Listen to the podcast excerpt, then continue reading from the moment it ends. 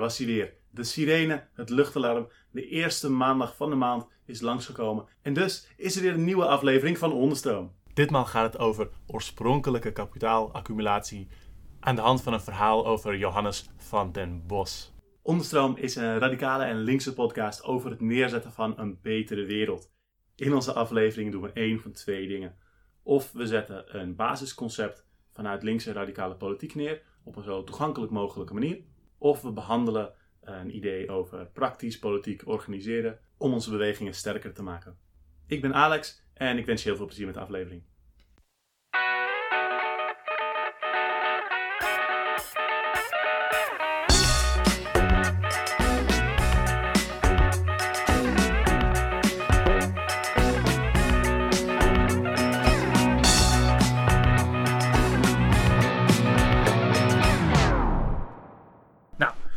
Wat fijn dat je er weer bent. Twee maanden geleden is er een aflevering met ons twee al uitgekomen. Elmo, je bent er weer om te praten over kapitalisme. Hallo. Hey, welkom.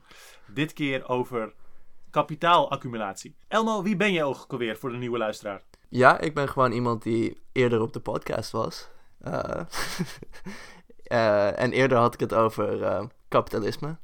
En ik, ja, ik lees gewoon boeken of zo. Ik weet niet. Ja, ik kan een beetje jong leren, maar niet echt goed. Ja, ja. Ehm, je bent ook dodelijk bescheiden. Ehm, volgens mij weet je best wel wat over... eh, Over jong leren.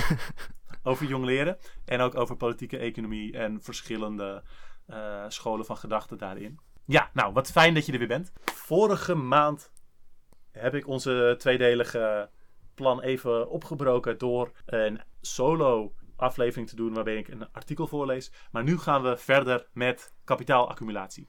En ik ben heel enthousiast om het hierover te hebben. Het is een kant van eh, kapitalisme waar we het niet zo vaak over hebben, maar die wel heel belangrijk eigenlijk is voor een aantal dingen. Vooral ook als we het hebben over soort van het bestaansrecht van kapitalisme en waar het vandaan komt. Mhm. Ehm, omdat mensen heel veel dingen vertellen over zeg maar ontstaansmythes van, van kapitalisme. En heel erg doen alsof het een soort van voortkomt uit mensen die gewoon slim waren. Of de, de, de slimste mensen die hebben gewoon een heel succesvol plannetje bedacht. En iedereen die niet slim genoeg is, die heeft zich maar moeten aanpassen nadat zij het hebben bedacht of zo. Ehm terwijl natuurlijk veel meer gebeurt. En in die zin heeft het ook wel iets, zeg maar, kapitaalaccumulatie ook te maken met het ontstaan en de vorming van kapitalisme. Ehm, en ook met de manier waarop het als systeem mensen die daar nog niet in zaten of daar niet blij mee waren, hoe het hen behandeld heeft. Dus daarom vind ik het een heel interessant thema om een aparte aflevering over te doen. Ja. Ja, ik ben heel erg zelf gaan praten, maar waarom ben jij enthousiast over kapitaalaccumulatie als thema? Ja, nou specifiek over oorspronkelijke accumulatie? Want eh, kapitaal, ja, daar gaan we het later over hebben. Maar oorspronkelijke accumulatie gaat dus over hoe eh, kapitaal überhaupt tot stand komt. Ehm, en ik vind het belangrijk om naar te kijken, want het is een beetje de, de duistere kant van het kapitalisme. Als je met eh, kapitalistische economen praat, willen ze het niet zo graag hebben over de gewelddadige aspecten van het kapitalisme. En heel vaak doen ze ook alsof het kapitalisme eigenlijk al altijd van toepassing was. Of altijd en overal. Maar met oorspronkelijke accumulatie kan je eigenlijk aantonen dat er een wereld bestaat buiten het kapitalisme. En dat eh, het kapitalisme een relatie heeft tot die wereld. En het is geen liefdevolle relatie. we Nee, het is juist een hele gewelddadige relatie. Ja, ja. Dus als je, ja, als je dat kan aantonen, dan, dan haal je ook eh, heel veel van die mythes van het kapitalisme onderuit. Ja, vet. Dus laten we dat gaan doen. Eh, hoe gaan we dat dus vandaag doen? We gaan eerst een aantal definities geven van, zeg maar, een algemene definitie van kapitaalaccumulatie. En dan gaan we dat opsplitsen in een aantal types.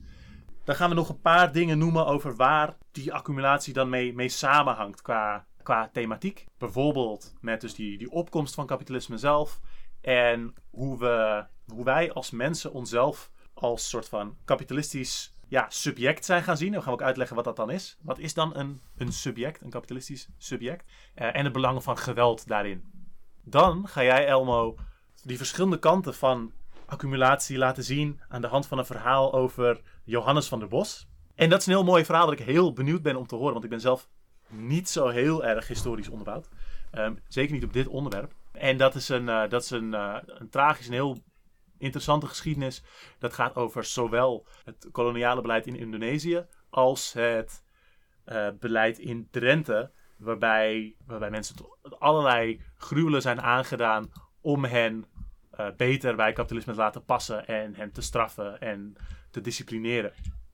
En dan sluiten we af met een aantal notities over wat hebben we nou eigenlijk langs zien komen in dat verhaal net. En, en hoe zit dat dan met accumulatie nu, tegenwoordig. Dus dat gaan we zo'n beetje doen. Ja, mooi. Oké, dus Elmo. Wat is dan accumulatie? Heb je een, een definitie voor ons? Oké, accumulatie is dus dat je dat kapitaal um, groeit of opstapelt. Dus in die vorige aflevering die we samen hebben gedaan, hebben we het ook eventjes uh, gehad over wat kapitaal nou eigenlijk is.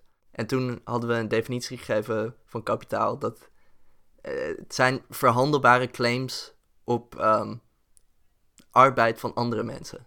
Dus dat klinkt een beetje abstract, maar het is eigenlijk dat je, ja, wat zeiden we? dat je door te investeren, uh, dat je door iemands arbeid te kopen, kan je uh, die arbeid gebruiken om producten te maken die je dan weer kan verkopen. En dan is het idee dat je daaruit winst haalt en dus meer geld uiteindelijk eruit overhaalt. Ja, dus het is, het is um, een, een verhandelbaar iets waarmee je op zichzelf al meer geld kan verdienen. Dus ja. bijvoorbeeld, een typisch voorbeeld van wat is kapitaal is een bedrijf of aandelen in een bedrijf of huizen die je kunt verhuren. Uh, of andere, andere manieren waarop uh, bezit tot meer rijkdom kan werken, kan leiden zonder dat je er zelf werk in hoeft te steken eigenlijk. Ja, eigenlijk is de vorm van kapitaal de hele tijd aan het veranderen. Want je bent je, je vermogen de hele tijd aan het ruilen voor andere dingen. Um, zodat je meer kan produceren en uiteindelijk meer geld eraan overhoudt. Dus wat je eerst als geld op de bank hebt staan, uh, koop je later um, een fabriek van en betaal je arbeiders mee. Dus dan is het, dat zijn weer twee verschillende vormen van kapitaal. Uh, en die maken dan producten uh, en dan verkoop je dat weer. Dus dat, dat is telkens een andere vorm van kapitaal. Uh, die dan um, ja, door de hele tijd te veranderen, groeit het. Ja, oké. Okay. Um, dus dat is, dat is kapitaal. En dus, zeg maar de, dus die verandering, daarin vermeerdert het. En die vermeerdering, dat, dat noem je accumulatie. Dat zou, Is dat ik, ongeveer dat goed? zeggen, ja. Uh, daarmee verandert ook soort van de politieke invloed die het heeft. Zeg maar, als je een, een soort van vergevorderd stadium hebt waarin er, er kapitaal is dat, dat uh, heel makkelijk overal ter wereld ingezet kan worden op allerlei momenten. En dat is dat de, zeg maar, dat de omvang van dat kapitaal is vele malen meer dan wat werkende mm. mensen in een maand kunnen verdienen of zo. Dan, is dat, dan heeft dat veel meer invloed dan wanneer dat kapitaal nog niet zo mobiel is. Of wanneer het um, nog niet een soort van juridische status heeft dat landen dat moeten binnenlaten in hun markt. Of wanneer het nog niet zo'n omvang heeft. Dus bij, bij toename van, bij grotere accumulatie van kapitaal, verandert ook de, de verhouding die het heeft tot andere politiek-economische invloed. Ja. Oké. Accumulatie is dan een soort van creatie en concentratie van kapitaal. En je zei dat daar, dat daar een aantal vormen van is. Wel, welke vormen zijn dat? En, en kun je die dan allebei definiëren? Um, ja, je hebt zeg maar de klassieke vorm van accumulatie. Dat het gewoon binnen de markt gebeurt. Dus uh, je koopt dingen met je geld. En vanuit de dingen die je hebt gekocht, zoals arbeid of productiemiddelen, um, creëer je nog meer producten die je dan weer kan verkopen. Um, dus daar hadden we het eerder al over. Dat is zeg maar de klassieke vorm. Maar je hebt ook oorspronkelijke accumulatie. En daarbij heb je dingen die nog geen kapitaal zijn. Ze worden nog niet verhandeld binnen de markt. Maar je maakt ze tot iets wat je kan verhandelen. Um, zoals uh, mensen die eerst nog geen arbeiders zijn. Krijg je op een gegeven moment, als je genoeg geweld gebruikt, krijg je ze zover om voor je te gaan werken. En dan worden ze arbeiders. Ja, dus zeg maar, iets moet binnen de kapitalistische economie of het kapitalistische systeem meekomen. En dat is een vorm van accumulatie, zeg maar, de uitbreiding van dat systeem. En wanneer dat zo is, dan draaien ze mee eigenlijk in de reguliere Ja. accumulatie die constant doorgaat. Dus die, die eerste vorm van kapitaal, zeg maar die, die doorlopende kap- kap- eh, accumulatie, die gewoon deel is van hoe wij Mhm. eh, economisch allemaal werken. Dat is eigenlijk een situatie waar je vooral je arbeid, maar ook wel andere manieren waarop je in de economie meedraait, eh, dat steeds een deel van je, van je moeite of van het geld dat je besteedt, wordt weggehaald, wordt uit, eruit gehaald en in, zeg maar, bij het kapitaal gezet. Het wordt daarbij opgeteld. Er wordt steeds een stukje van jouw moeite tot kapitaal gemaakt. En dat is die accumulatie. Zeg maar, door elke dag wordt er wat afgepakt. Ehm, ja, maar zelfs de dingen die niet worden afgepakt, die worden, zijn ook kapitaal. de dingen die je, als je zelf een salaris eh, krijgt, is dat ook eventjes kapitaal. Totdat je, Is het, is het zo? Zeg maar, als, het, als ik het salaris nog heb en ik kan dat niet mee investeren, et cetera, want ik moet het gewoon gebruiken voor mijn dagelijkse behoeften. Is het dan kapitaal? En wiens kapitaal is het dan? ja, van de point of view van de kapitalist is dat ook nog steeds kapitaal. Want eh, hij is er naar op zoek dat, dat jij zijn producten koopt eh, met jouw geld. Zodat hij de waarde van die producten kan realiseren en dat dan opnieuw kan investeren ergens anders in. Dus, Ah. dus je hebt zo'n soort constante transformatie van waarde, van kapitaal in een economie. Eh, en door die transformatie tussen de verschillende stadia van dat, je, dat het in de arbeid zit, of in geld, of in productiemiddelen, of in consumptiegoederen. Door zo'n hele cyclus door te gaan, zo krijg je accumulatie. Dus omdat ik ehm, voor mijn behoeftes ook met het salaris van mij, waarmee ik helemaal niet Ja. meer verdien, maar ik moet dat gewoon besteden. Dus voor mij is het niet kapitaal, maar omdat ik het bij een, eh, een kapitalistisch bedrijf moet gebruiken om mijn, in mijn behoeften te voorzien, is het een deel van die, van die accumulerende, zeg maar die, die steeds wisselende aard van, van kapitaal. Ehm, dat het uiteindelijk dat mijn, mijn geld weer daar terecht Ja. komt, omdat ik mijn huur moet betalen. En dus dat, dat wat tijdelijk mijn geld is om in mijn eh behoeften te voorzien, dat gaat ook weer in die grote, grote zak met, met geld, zeg maar, die dat grote eh, Ja. kapitaal terechtkomen. En wat is dan oorspronkelijke accumulatie? Hoe werkt dat? Ja, oorspronkelijke accumulatie is dan dat dingen die nog niet worden verhandeld binnen de markt, eh, dat die worden geclaimd. Eh, dus oorspronkelijke accumulatie, dat is dan dingen die nog geen accumulatie, die, die nog geen kapitaal waren, die worden het. Dus mensen die geen loonarbeider zijn of die niet op de kapitalistische markt meedraaien, hen, hen daarin Ja. betrekken, op wat voor vorm dan ook. Ehm, maar ook hen bijvoorbeeld daar intensiever in betrekken dan voorheen. Dus als je, eh, weet ik veel, als er dingen waren, dingen zijn die mensen eerst als vriendendienst doen, zonder dat er geld bij komt kijken, als je dat tot een, tot een product op de markt maakt, Ja. dan is dat ook een vorm van accumulatie. Ehm, en dan is dus het verschil met die vorige, voor, met zeg maar de algemene accumulatie, is dat die accumulatie is dus gewoon, gewoon hoe de markt werkt. En daar zit wel een soort progressie in van waar ze het intensiever willen maken, dat ze er meer kapitaal uit willen slaan dan, dan eerst mogelijk was. Maar het zijn de dingen die al in de markt opereren. En oorspronkelijke accumulatie is dus eigenlijk een soort invasie vanuit kapitaal, waarbij Ja, ze een nieuw precies. gebied aankaarten eigenlijk. Dus nieuwe markten maken, nieuwe mensen eh, in het systeem halen, nieuwe takken, nieuwe onderdelen van hun sociale leven Ja. tot economie maken eigenlijk. Oké. Ehm, en dat heet dus oorspronkelijk, maar dat betekent niet dat het is opgehouden of dat het ehm, klaar is of zo. Ehm, als je een beetje rondkijkt, dan zie je die dingen eigenlijk allebei nog steeds doorlopend gebeuren. Je gaat straks een verhaal vertellen over iets dat in het verleden is. Maar als je een beetje rondkijkt, dan zie je dat eigenlijk bijvoorbeeld als het gaat om eh, kapitalistische informatieplatforms die mensen helpen om eh, online liften te vinden. vroeger deden we liften zonder dat er geld bij betrokken is. En nu is er een Ja. kapitalistisch bedrijf die daar geld aan verdient. Geld. Vroeger En gingen we naar de maan als. Ja. rare geopolitieke symboolpolitiek. En nu gaan we naar de maan als eh, kapitalistisch privaat bedrijf. Wow. Toch? Holy shit. Ja, ja, ja, nee, absoluut. Is eigenlijk de oorspronkelijke accumulatie is veel meer waar deze aflevering over gaat. Omdat dat ook relateert aan die oorsprong van eh, kapitalisme. Aan die vroege, dat vroege stadium. Waar komt het nou vandaan? ja, en aan die oorspronkelijke accumulatie zitten eigenlijk twee kanten. Want je hebt eh, accumulatie thuis, eh, zeg maar binnen, ehm, binnen de wereld die al kapitalistisch is of was. Dus in Europa bijvoorbeeld of binnen Nederland. Maar je hebt ook de eh, koloniale accumulatie buiten Europa. Dus dat er steeds meer gebieden eh, in het Europese systeem werden getrokken.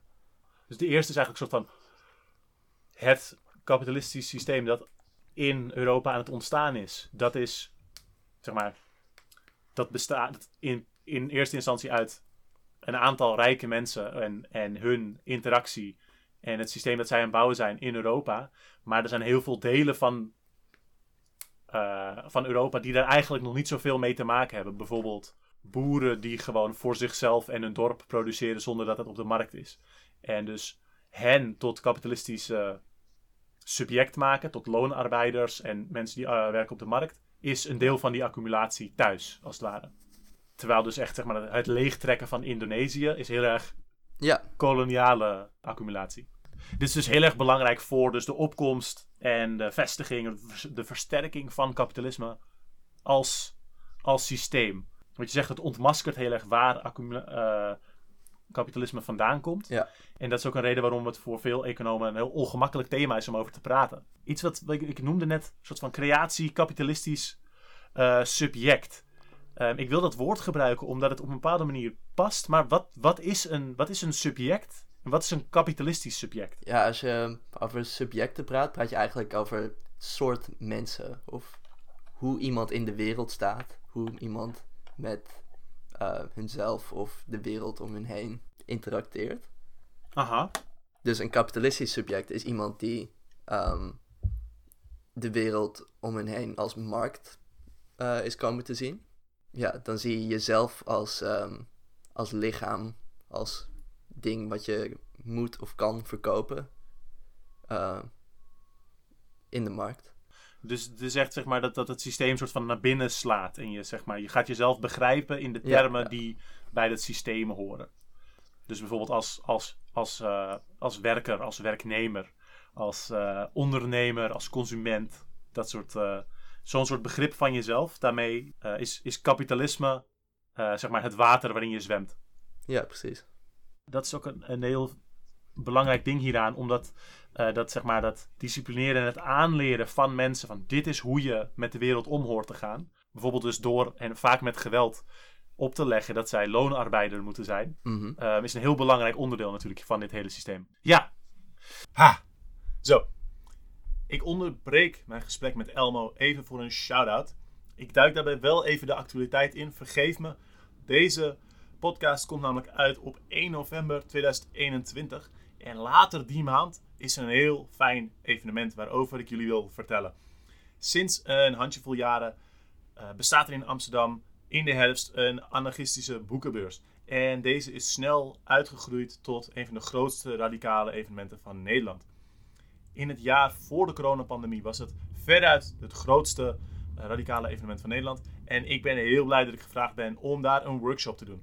De boekenbeurs is het weekend van 27 en 28 november in het Dokhuis in Amsterdam, vlakbij Dierentuin Artis. Kan niet missen. En ik raad iedereen aan om erheen te gaan, om mensen te leren kennen, om goede discussies en workshop bij te wonen, om mogelijk een politieke afterparty mee te pakken. En als je onderweg ook nog een boek tegenkomt, des te beter. Informatie over de workshop van Onderstroom volgt nog, maar het wordt een praktische discussie rond een thema van organiseren, samenwerken en elkaar versterken. Ik hoop dat we al. Ik hoop dat we elkaar allemaal vooruit kunnen gaan helpen. En kijk ernaar uit. Schrijf het vast in je agenda. Dan zie ik je graag de laatste weekend van november. Goed, dus dat is, dat is eigenlijk een soort van introducerend voor, voor definities dan. Eh, dan ben ik heel erg benieuwd, eh, want dit is een stuk waar ik er zelf niet zo heel veel over weet nog. Eh, er is iemand in de Nederlandse geschiedenis en die is een heel mooi voorbeeld van die verschillende kanten van accumulatie eh, die tegelijkertijd gebeuren. Specifiek dus zeg maar van oorspronkelijke eh, accumulatie in Europa, thuis in Nederland. En aan de andere kant ook in de koloniën van Nederland. En die ook daar duidelijk een soort wisselwerking in, in zag. Ehm, dat, Mhm. gaat, dat is Johannes van den Bos. Ja, wat kan je ons vertellen over Johannes van den Ja, Bos? Johannes van den Bos was dus een. ehm, die leefde in eh, de eerste helft van de 19e eeuw. Hij was geboren in de laatste jaren van de 18e eeuw. En dit was een moment van enorme groei van de eh, kapitalistische economie. Dus die, het kapitalisme kwam in steeds meer plekken terecht. En Johannes van den Bos is iemand die dat in al die plekken eh pushte. Aha. Ja, want hij was dus een. eh, hij kwam uit het leger. Toen, de, toen het Koninkrijk der Nederlanden 1813 werd gemaakt. na de Franse bezetting. Was hij op een soort van strategische positie in het leger. Nou, eerst had hij eigenlijk niet een positie in de staat. Hij had gewoon een soort van militaire rang. Dus hij zat in het leger. Maar hij, hij zag dat ehm, er heel veel mensen in Nederland waren die niet succesvol als arbeiders meekwamen in de groeiende kapitalistische economie.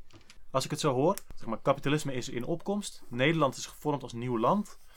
Ehm, als soort van als koninkrijk. Nadat eh, de Franse bezetting Ja. onder leiding van Napoleon was opgeheven.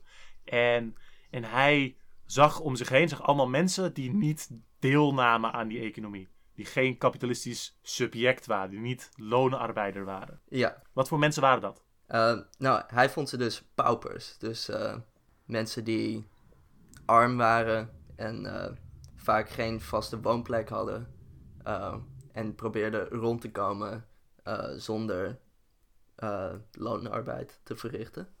Ehm, en voor Johannes Aha. van den Bos was dat een probleem. Hij, hij vond dat iedereen arbeid moest uitvoeren en daarvoor betaald moest krijgen. Dus hij wou eigenlijk iedereen omvormen tot kapitalistisch subject. En de manier voor hem om dat te, eh, voor elkaar te krijgen eh, was door instellingen te creëren. ehm, waarbij deze zwervers, paupers werden opgenomen. Soms vrijwillig, of ja, zogenaamd vrijwillig. Maar vaak ook ehm, werden ze gewoon geforceerd om naar die instellingen te gaan. En hoe heette die, die instellingen? Het heette de Maatschappij van Weldadigheid. Aha. En die instellingen specifiek waren dan koloniën van weldadigheid. Maar dat is helemaal niet dodgy. Nee. Oké. Er werden best wel veel mensen daar dus geplaatst. Ehm, ofwel een soort van uit, uit, uit eh, dat ze daar zichzelf konden melden als ze, als ze heel arm waren. Of dat ze daar eh, tegen hun zin geplaatst werden. Klopt dat? ja, ja. Hoe ging dat dan? Ehm, nou, dan, als je werd opgepakt omdat je aan het bedelen was, bijvoorbeeld, werd je naar zo'n kolonie gestuurd. En dan mocht je daar niet meer weg. Het was eigenlijk gewoon een soort gevangenis. Een soort, soort oké. Een, ge- een gevangenis zegt van, oh je staat te bedelen, je moet, je moet naar de gevangenis. En, en dan? Ja, daar werd je aan het werk gezet. En eh, moest je garen spinnen of eh, dingen maken. Ja, maar dit, dit is een soort, bijna een soort her, heropvoedingskamp eigenlijk, als ik het zo hoor. Ja, precies. Heropvoeding tot kapitalistisch subject. Zodat je, als je eruit kwam, zou je wel een goede arbeider worden met een strikte eh, werkethiek. Dat je, dat je arbeid wel echt heel goed vindt. Oké, jezus. En was dat, was dat nieuw toen? Ehm, nee, je had al langere tijd ehm strafkoloniën waar mensen ook aan het werk werden gezet. Maar dit was eh, wel de eerste keer dat het zo'n invulling had van weldadigheid. Dat het, eh, ehm, ja, dat je zogenaamd met een soort verheffingsideaal, dat, dat je mensen eh, verheft tot arbeider. Ha. Ja. Dus dat is, een- soort een schools, schools karakter had in plaats van alleen maar straf. Ja, ja. Dat je het idee had van nee, we, we zijn die mensen aan het helpen. Oké. En toen? Ja, en tegelijkertijd had je ehm, de nieuwe Nederlandse staat van koning Willem I. die de eigendomswet aan het aanpassen was van hoe landbezit werkte. Ehm, Aha. dus dan had je dat via de macht van de staat, die regels rondom bezit herschreef in eh, jaren 1820, werden boeren in Drenthe die daarvoor vooral gebruik hadden gemaakt van gedeeld land en markengronden, ook in Twente, eh, werden gehe- herdefinieerd als privébezit van specifieke boeren. Dus dan moest dit gedeelde land worden opgedeeld in kleinere stukjes. Aha. Dus zo werd het land eh, geprivatiseerd door de macht van de staat eigenlijk. Dus zeg maar, je had, je had boeren en die, die hadden gewoon samen deelden zij land in de regio met elkaar. Mhm. En dat, dat land is toen, zeg maar, vanuit de koning, door per wet is dat tot het individueel eigendom van specifieke boeren gemaakt. En de uitkomst is dan dat voor veel boeren is het land dan niet groot genoeg om echt productief op mee te draaien. Dus ehm, die worden dan ook arm en die worden dan ook eh, paupers. Ehm, en die worden dan Mhm. eigenlijk zo klaargemaakt voor de opkomende textielindustrie in Twente ook. Eh, dat de boeren die niet meer op dat gedeelde land ehm, hun koeien konden laten grazen, eh, werden zo arm dat ze maar in de textielindustrie in Twente gingen werken. Of als dat niet lukte, kwamen ze Ja. op de weldadigheidskoloniën terecht. Zodat het... eh, Oh god, ja. Het is van mooie, mooie one-two Ja, situatie. Dus die, die gedeelde landen, doordat die opgebroken werden, was het eigenlijk, zeg maar, heb je het omgekeerde van schaalvergroting. Dat er minder dingen voor zo'n individuele bezitter eigenlijk mogelijk zijn, omdat het land dan eigenlijk te, kle- te klein is. Terwijl als je het deelt, dan, dan kan dat wel. Stel, jij bent net een boer die wel een koe heeft en iemand anders niet. Maar dat land deel je en dan, dan is er ruimte om, weet ik veel, zo'n dier te laten Ja. grazen of zo. Eh, terwijl als het alleen maar op jouw eigen land los moet, dan staat dat niet meer in verhouding en dan, dan kan Ja, dat eigenlijk precies. niet meer. en dan in de loop der tijd moet je je land dan verkopen. En dan eh, krijgen alleen de boeren die genoeg geld hebben om meer van dat land bij elkaar te sprokkelen.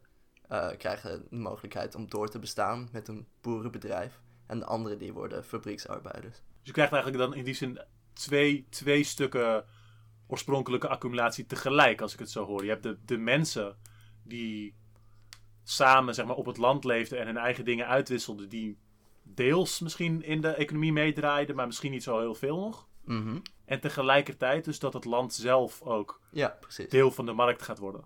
Ja, dus dit is allemaal wat Johannes van den Bos ehm, uitspookte in Nederland. Ehm, maar toen werd hij in de jaren 1820 werd hij aangewezen als eh, minister, of nog niet minister, maar als gouverneur-generaal van West-Indië.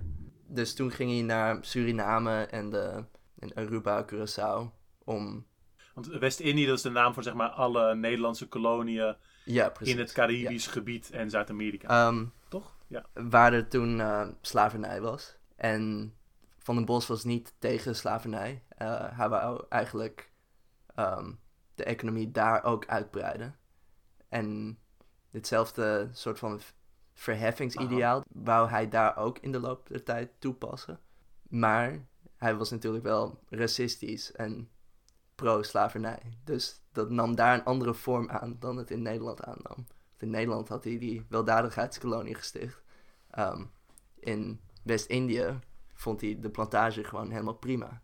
En was, was, wat, wat, wat is zijn doel dan? Zeg maar, wie wou die daar dan verheffen en op wat voor manier? Ja, dus daar was een doel dan om ja, via zeg maar christelijke scholing eh, op te leggen aan eh, tot slaafgemaakte arbeiders op de plantages. Dat ze zo een eh, meer geïnternaliseerde arbeidsverhoudingen zouden hebben. Dus dat ze. Does that make sense? Dus dat ze, dat ze via een soort van christelijke ideeën meer een soort ja, arbeidslust zouden krijgen of zo.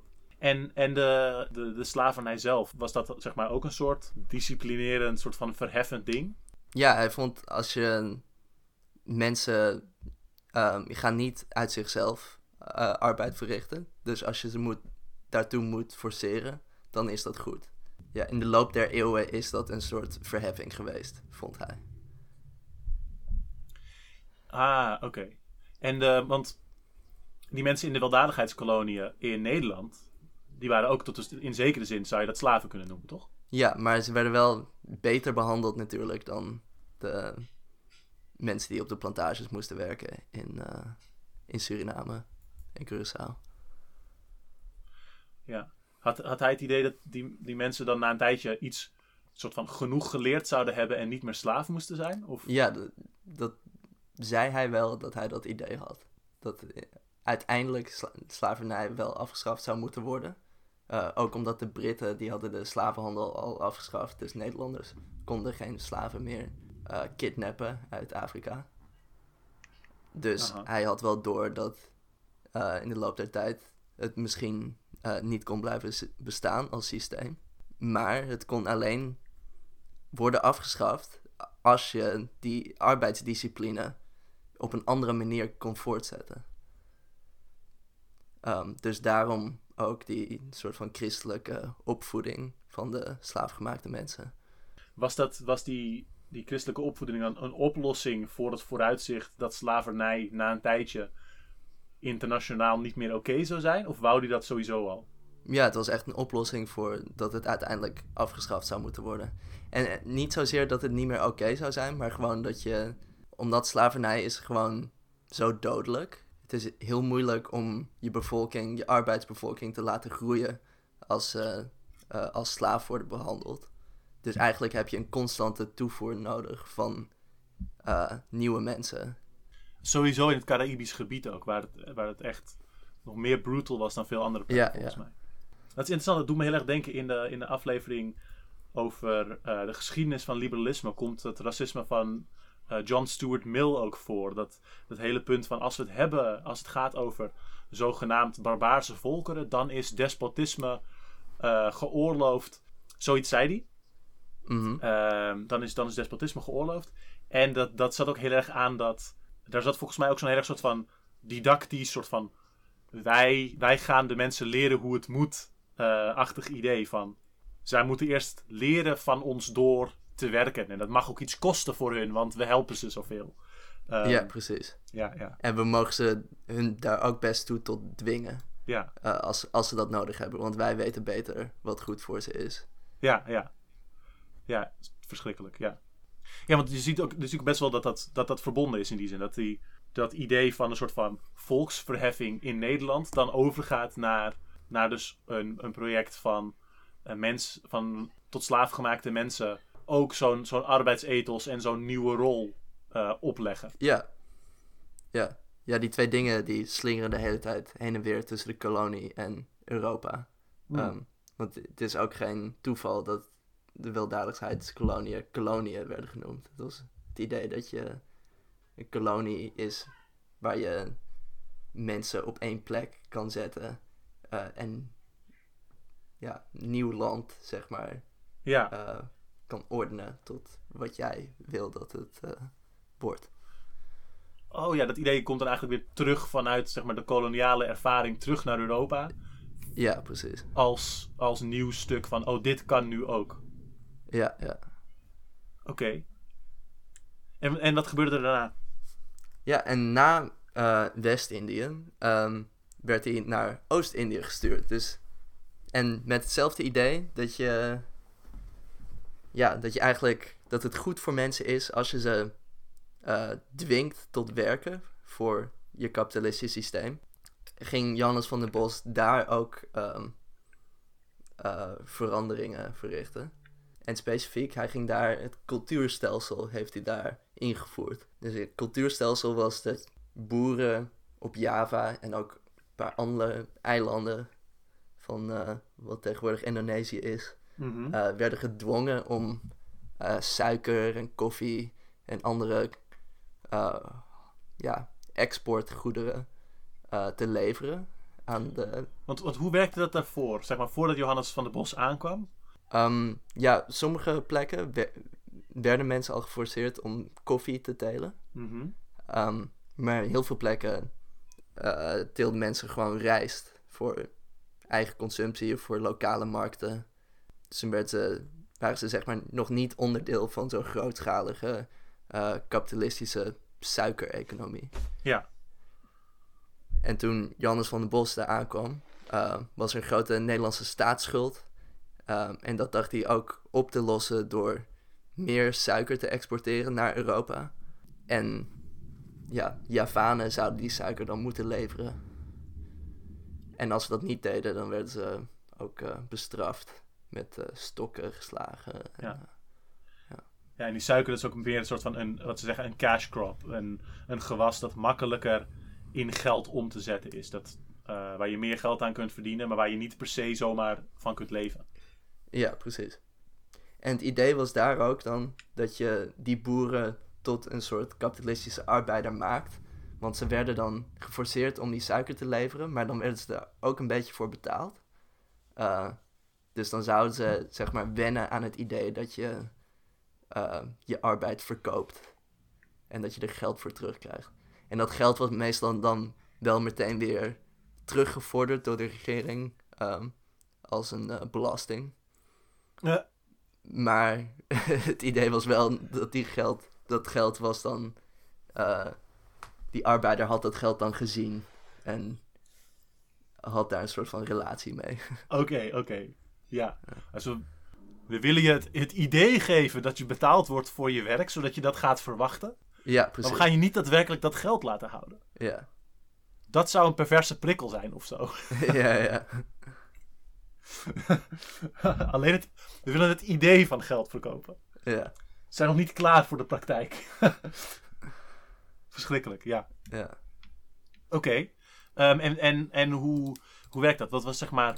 Uh, was, dat, was, dat, was dat vreemd toen? Dat zeggen van we willen echt dat, dat idee van, van die mensen op, op Java en andere plaatsen in Indonesië. Maar hen op die manier tot arbeiders maken. Was dat, uh, was dat een vreemd idee in die tijd? Um, nou, voor de Javanen zelf was het natuurlijk raar dat je opeens dit moest gaan doen. En ook in plaats van rijst kweken, wat, wat eigenlijk, weet je, waar je zelf uh, van eten van kan voorzien. Uh, ja. Moet je dan iets maken wat dan wordt geëxporteerd, wat je zelf niet kan consumeren of wat je zelf geen eens kan opeten. Um, dus er was ook massale hongersnood op Java in, uh, in die tijd. Ja. Um, en ook opstand ertegen. Maar eigenlijk een beetje hetzelfde als met dat... Um, met die tot slaafgemaakte mensen in West-Indië. Um, het idee was dat ze uiteindelijk misschien wel arbeiders zouden worden. Maar dat lag zo ver in de toekomst. Uh, dat het eigenlijk nog niet van toepassing was. Het lag zo ver in de toekomst dat het nog niet van toepassing was. Maar het was een soort van. Ja, een soort van legitimering van het geweld dat je gebruikt om mensen het kapitalisme in te slepen. Is dat ze uiteindelijk goede arbeiders worden. En dat ze dat zelf dan ook willen. Maar tot die tijd moet je nog allemaal dwang gebruiken. En daar was dan heel veel verzet tegen. Ook ja. Ja, in Java, maar ook dan in West-Indië. Ja, uiteindelijk is slavernij afgeschaft, ook omdat mensen in verzet kwamen er tegen. En het cultuurstelsel is ook afgeschaft, omdat het steeds moeilijker werd om, uh, ja, om die suiker op te halen van die boeren. En dat er ook uh, verzet tegen kwam. Of waarom heet het dan het cultuurstelsel? Ja, cultuur betekent gewoon cultivatie van uh, ah, oké. Okay. gewassen. Ja. Oh, oké, okay, ja. Dus eigenlijk gewoon een soort van het productiestelsel bijna. Ja, ja. Wat we eerder zeiden over kapitalistische economen, dat ze het liever niet kijken naar de dwang die nodig is uh, om mensen zo ver te krijgen om uh, hun arbeid te verkopen. Ja. Um, dat geldt ook natuurlijk voor die koloniale managers die, uh, die dwang probeerden te gebruiken. Dat ze, liever, dat ze het liever niet zagen als dwang. Ze zagen het liever als een soort verheffing. Tot... Ja. En dat, dat cultuurstelsel, is daar dan ook nog iets van teruggekomen in Nederland ook? Of zijn er, zijn er meer dingen voor de, van Johannes van der Bos? Hoe gaat het verhaal verder? Oh ja, het cultuurstelsel. Dus heel veel van die suiker van het cultuurstelsel um, werd dan naar Nederland vervoerd. Um, dus, en in Nederland kreeg je dan een kleine suikerindustrie die dat... Uh, had je, ja, raffinaderijen voor suiker.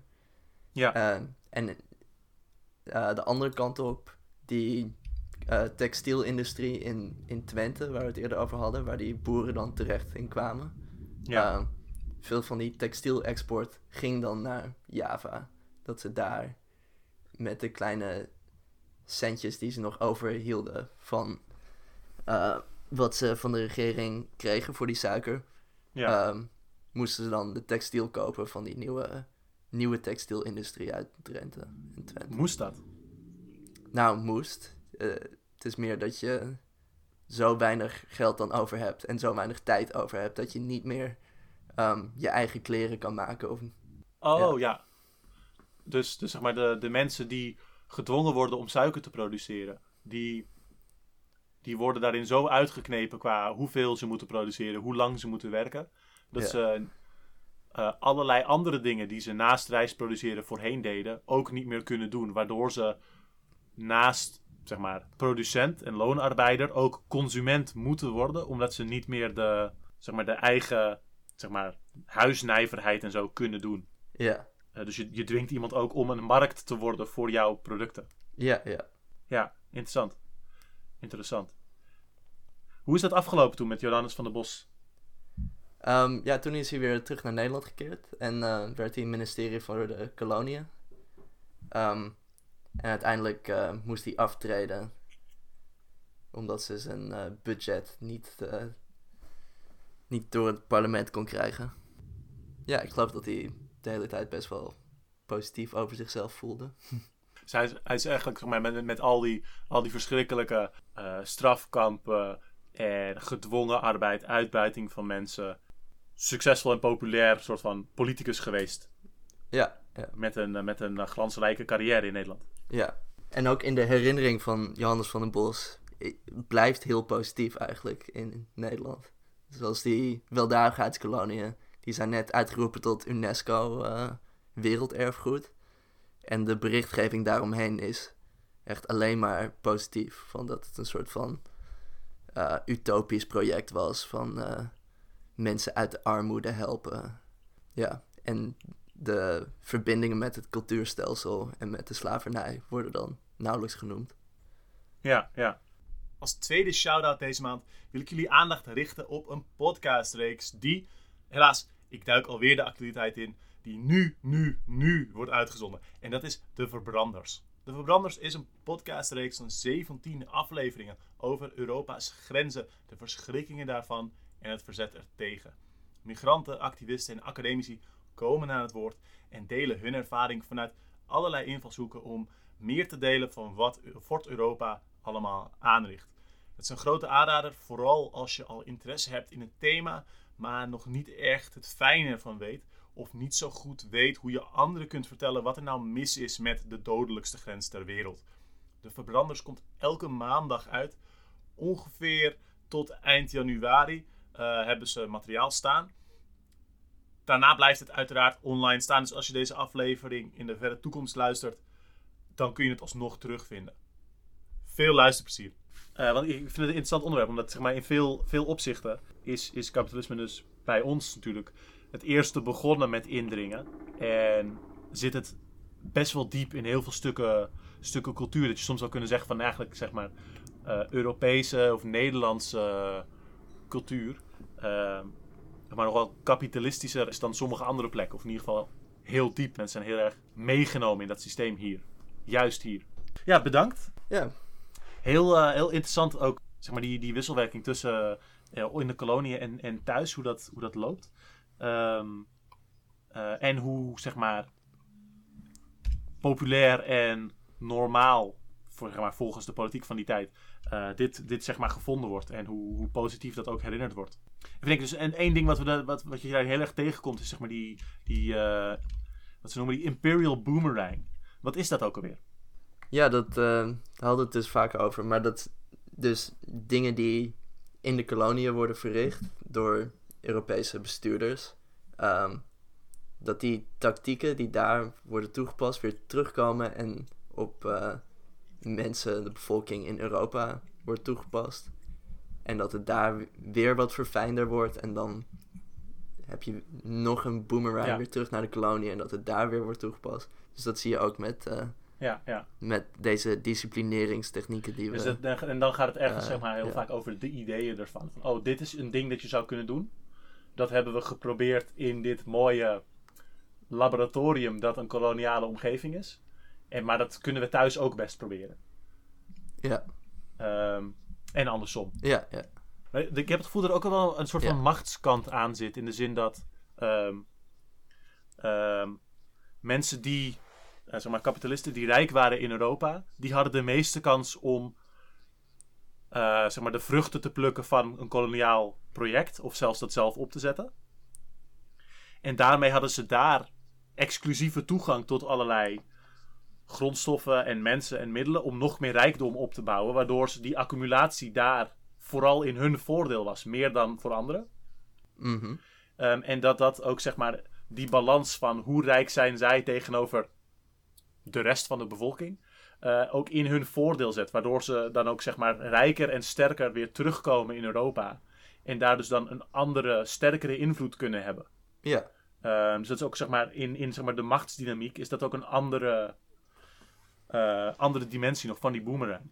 ja, het is ook vooral dat ze door hun rijkdom hebben ze ook veel invloed over wat de staat doet. Ja, En de staat is uiteindelijk ja, de, de institutie, de organisatie van dwangmiddelen en geweld. ja, Ehm, dus als je daar invloed over kan hebben door je rijkdom, dan kan je ook de staat gebruiken om, om dat geweld toe te passen. Om, om eh, nieuwe mensen de markt in te loodsen en voor je te dat laten zeg maar met de toename van die accumulatie verandert dus de balans van rijkdom.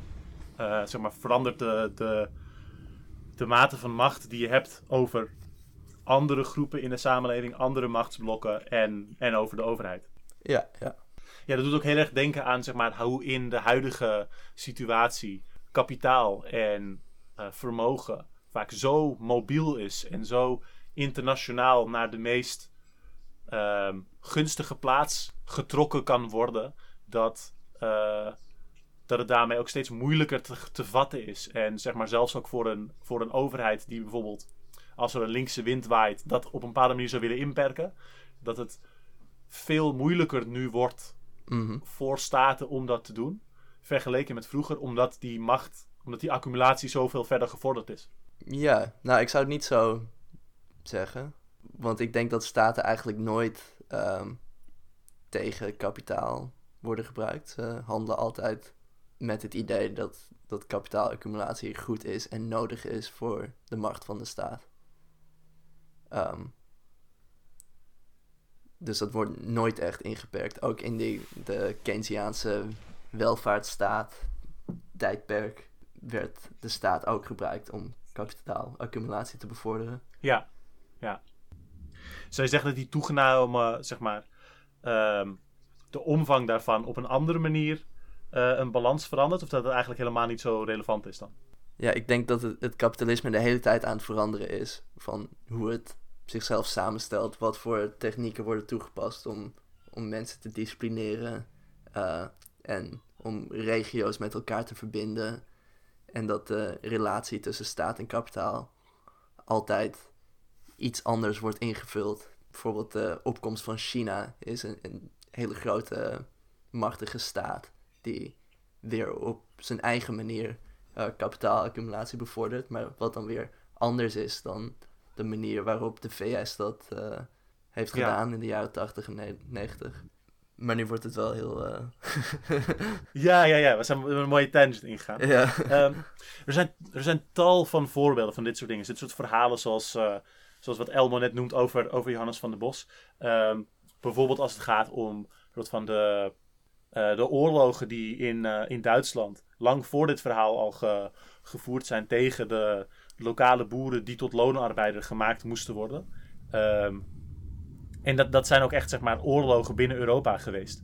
Ehm, of de, de uitbuiting in talloze andere koloniën. En de manier waarop overheden binnen allerlei Europese landen, ehm, vooral de armere bevolking, eh, aan een, een, een nieuw systeem probeerden op te leggen. Ehm, er zijn tal van verhalen en dit is, dit is één voorbeeld ervan.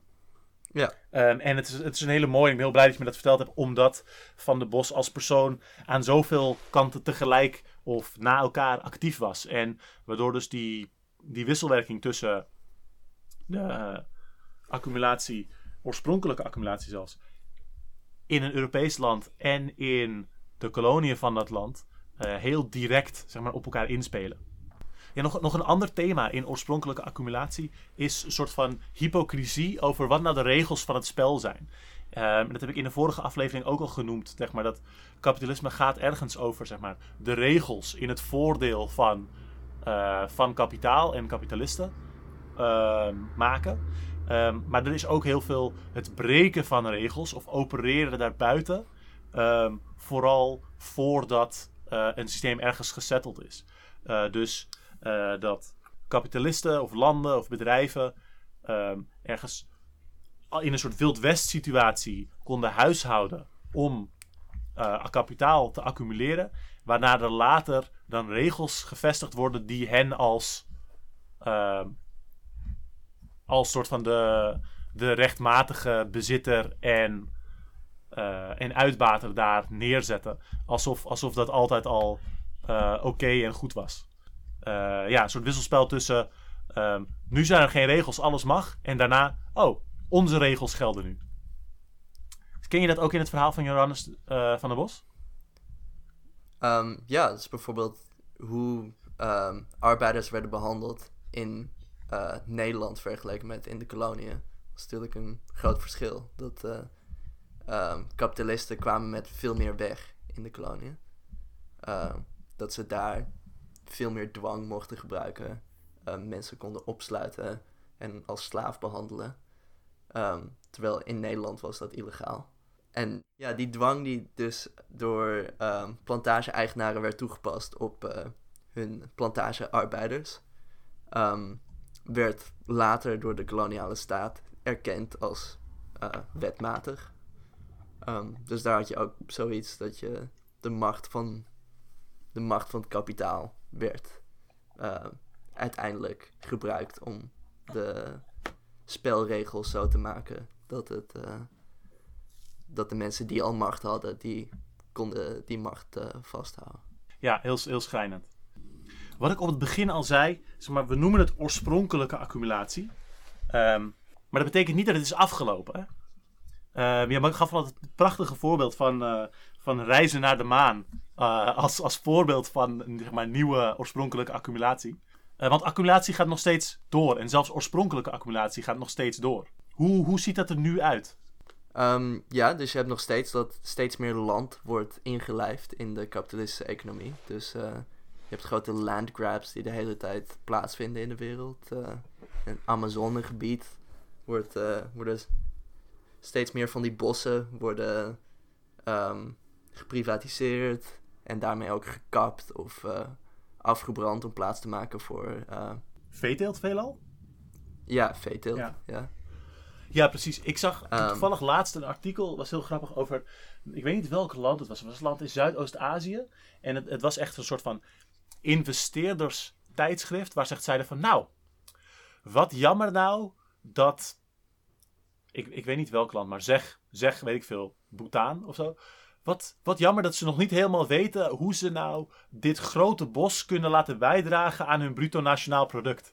Um, dat er heel erg zo'n ding is van, daar, daar moet, daar moet uh, accumulatie komen. Dat, dat bos moet koopwaar worden. Dat moet hout worden. Dat moet wat dan ook worden. Um, ja, ja. Oké, okay, en verder? Um, ja, en ook, zo ook in bijvoorbeeld Ethiopië uh, heb je ook grootschalige landgrabs door investeringsmaatschappijen. Uh, en daarmee de mensen die op dat land woonden, worden dan ook uh, steeds meer de markt ingeloodst. Ja. Um, dus dan heb je ook weer dat uh, arbeid ook onder dat oorspronkelijke accumulatie valt. Ja, dus ook, ook zeg maar die hele, die hele klassieke, wat we zeggen, gewoon land gewoon leegtrekken of uh, nieuwe groepen mensen dat systeem intrekken, dat gaat eigenlijk nog steeds door. Ja, en dan uh, behalve dat heb je ook dat steeds meer uh, onderdelen van ons leven wordt ook de markt ingebracht. Bijvoorbeeld onze, onze aandacht en onze sociale interactie um, wordt nu via een markt geregeld, via Facebook of sociale media, via bedrijven die daar winst uithalen. Ja. Um, dus dat op een manier is dat ook uh, oorspronkelijke accumulatie. Dat iets wat nog niet in de markt was. Wordt dat nu? Ja, ja. Ja. En dus bijvoorbeeld ook ehm, wanneer, wanneer zo'n ding verkocht wordt, zo'n online platform. Bijvoorbeeld van door één eh, eigenaar verkocht aan een andere of aan een andere groep eigenaren. Ehm, dan wat, wat ze verkopen is vaak niet per se de software van, weet ik veel, noem, noem een soort online platformbedrijf. Eh, zeg Discord, whatever. Eh, ze verkopen niet de Mhm. software van Discord. Ze verkopen niet per se het copyright van Discord. Deels wel. Maar veelal wat ze verkopen is die mensen die daar hun leven online besteden. En die daar hun gewoontes van interactie zo hebben. En die daar hun aandacht en hun creativiteit insteken. Ja, ja. Ja. En je, en je hebt ook een soort van nieuwe soorten eigendom. Dat vind ik ook altijd fascinerend. Dat je bijvoorbeeld, weet ik veel, eh, dat DNA-strengen van planten gecommercialiseerd worden. Of dingen als die, eh, die NFT-dingen. Dat je een soort van online stukjes, stukjes data of designs of wat dan ook als, eh, als bezit verkocht worden steeds meer. En, en dus dingen als allerlei soorten patenten of eh, nieuwe financiële producten. Ja, ja. Het houdt eigenlijk niet op. Nee. dus de grens van de markt rukt steeds verder op. Ja, ja, ja. Poeh. Ik, ik moet zeggen, ik vind het niet een heel. eh, ik vind het best wel deprimerend zo om dit te horen. Het voelt best wel alsof er. eh, alsof je steeds verder in het nauw gedreven wordt, steeds completer ingepakt bent. Ehm, Ja, het is ook best deprimerend. Daarom, daarom moet je anticapitalist zijn.